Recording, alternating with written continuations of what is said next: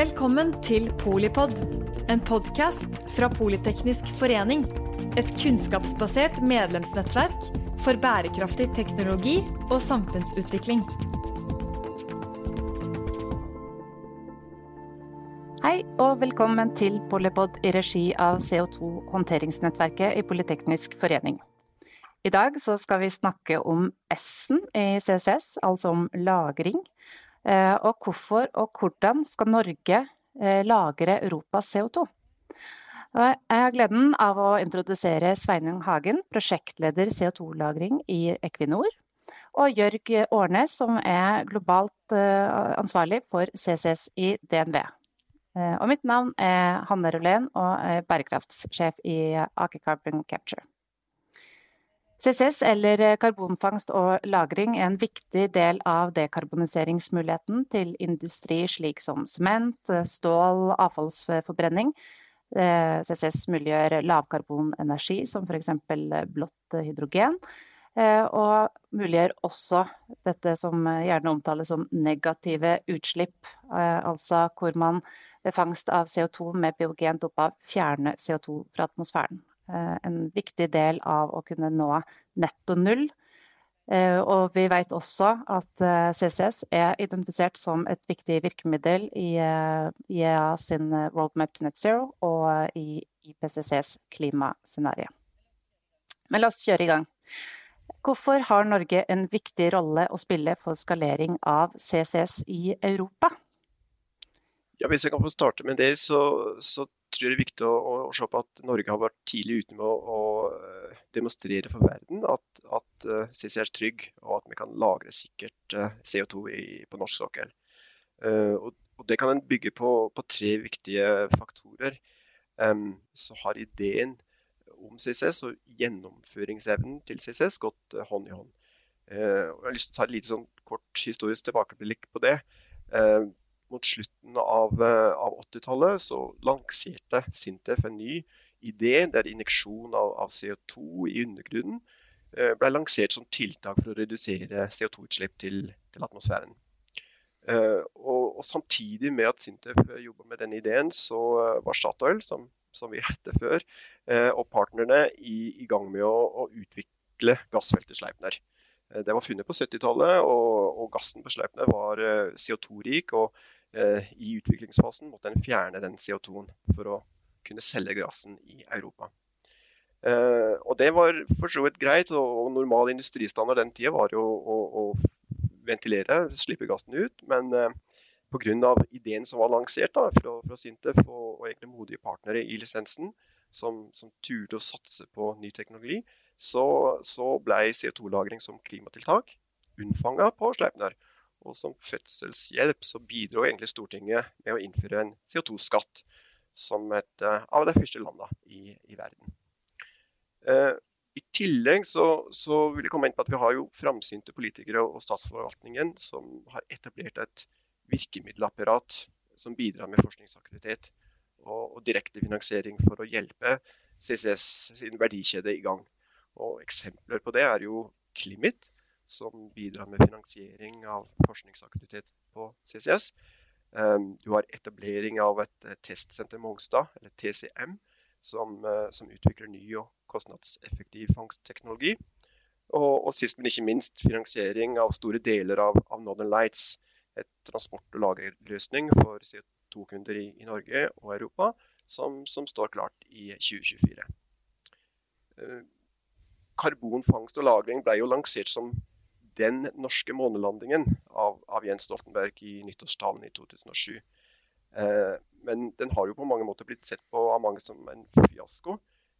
Men det er jeg ikke helt enig i. Den bygde tross alt TCM, og den har vært en viktig visjon, frampek, på, på, retningen vi må ta for å redusere CO2-utslipp.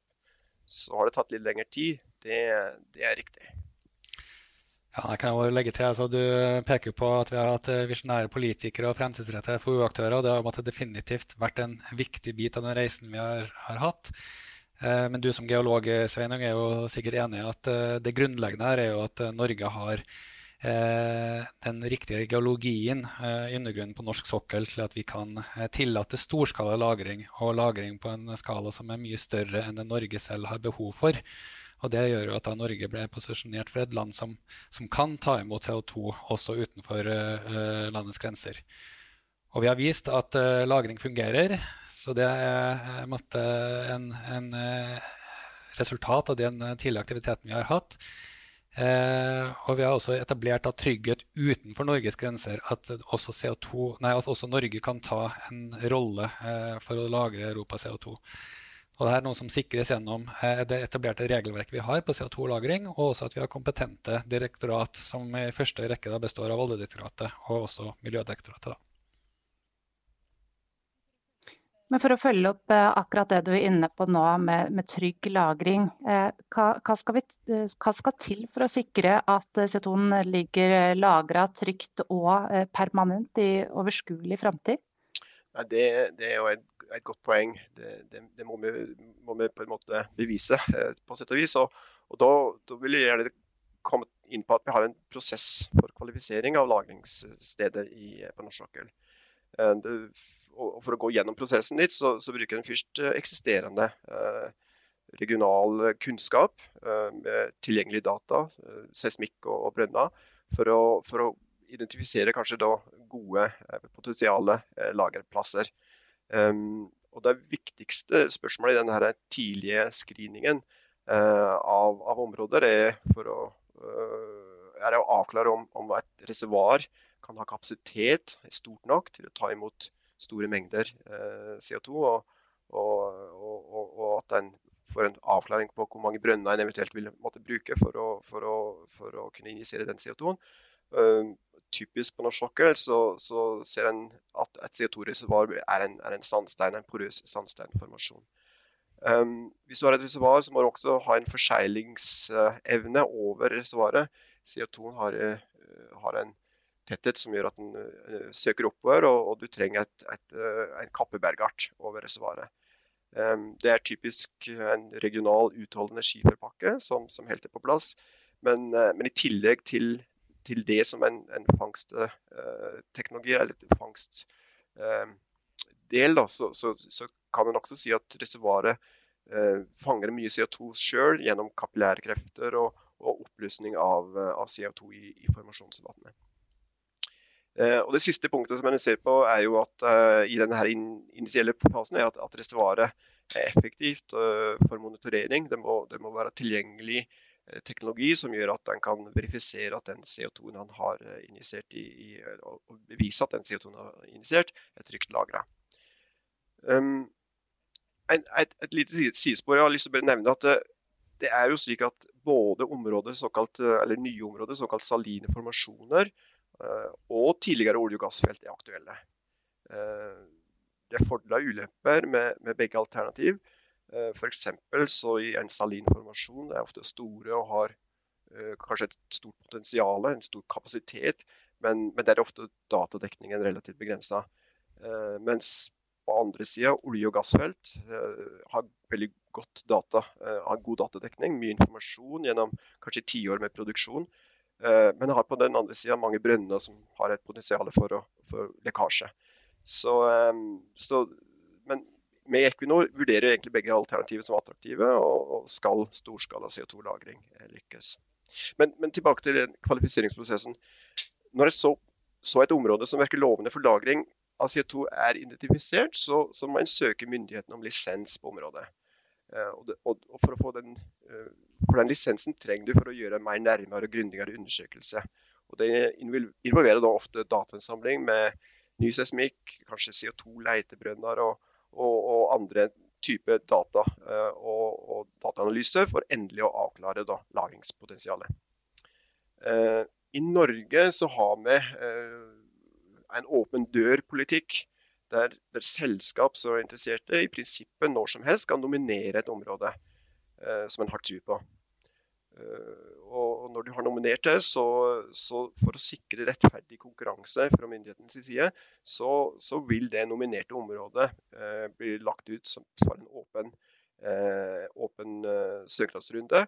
Så, så selskap som, andre selskap enn den som nominerte, har en mulighet til å, å også søke Sveining, kunne du kanskje ha utdypt litt mer om forskjeller og likheter med andre typer lisenstildelinger som vi er vant til å høre om fra, fra olje- og gassbransjen? Ja, altså I olje- og gassbransjen så har en årlige tildelinger, eh, eller, eller for så vidt også sjeldnere, men, men en, prosessen er styrt fra departementet. Så det er departementet som styrer det, og i mindre grad eh, selskapene sjøl som kan identifisere og nominere eh, alene.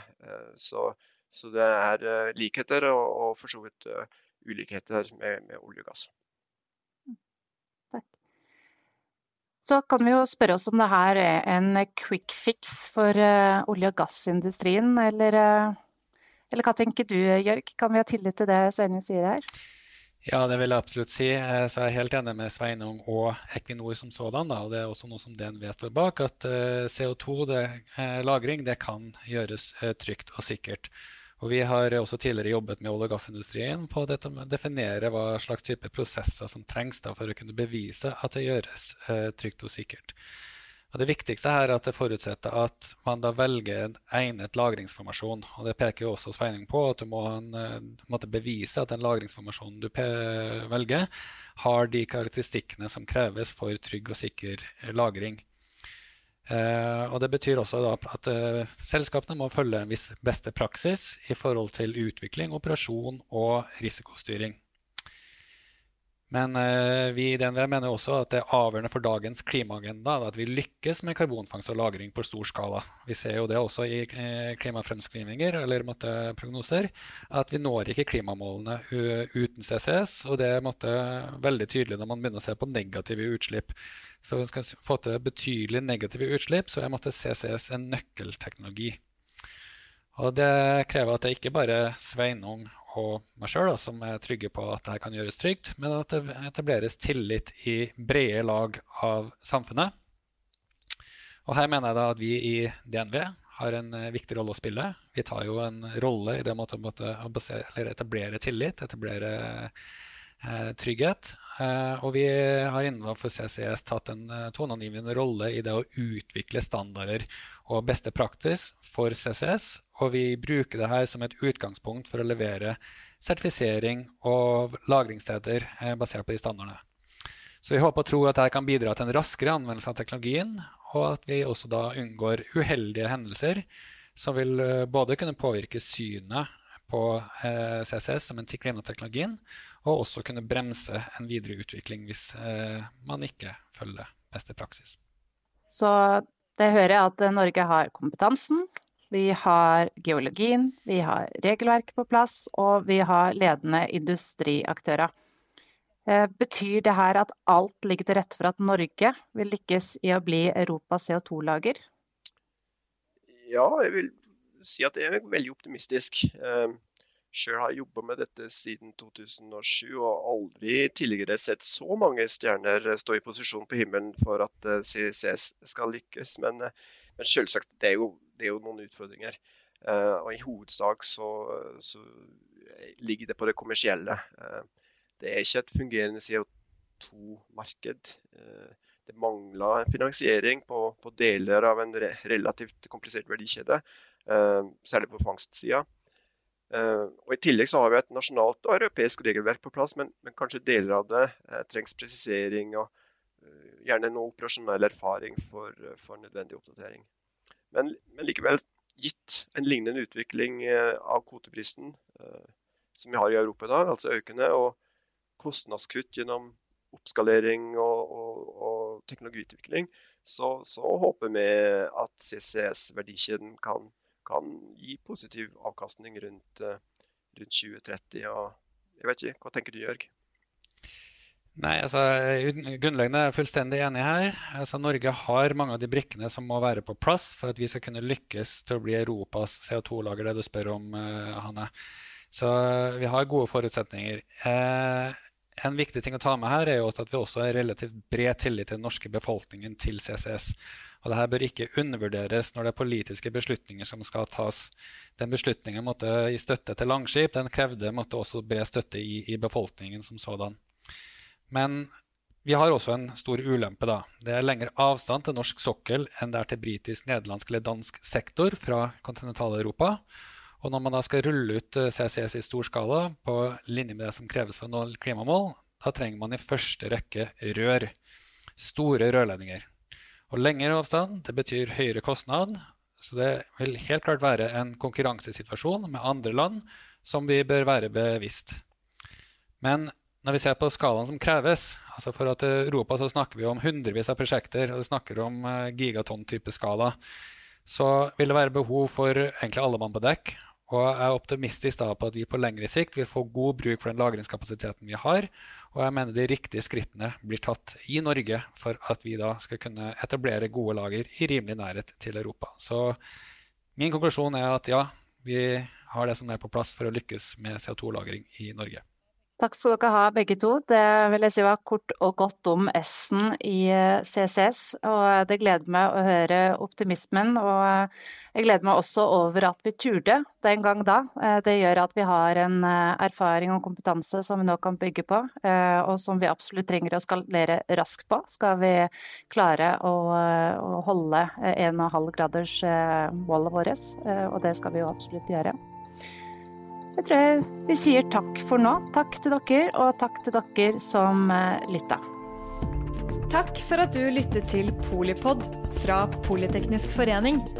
Få med deg flere episoder, eller bli med på nettverksmøtene som du finner på at polyteknisk.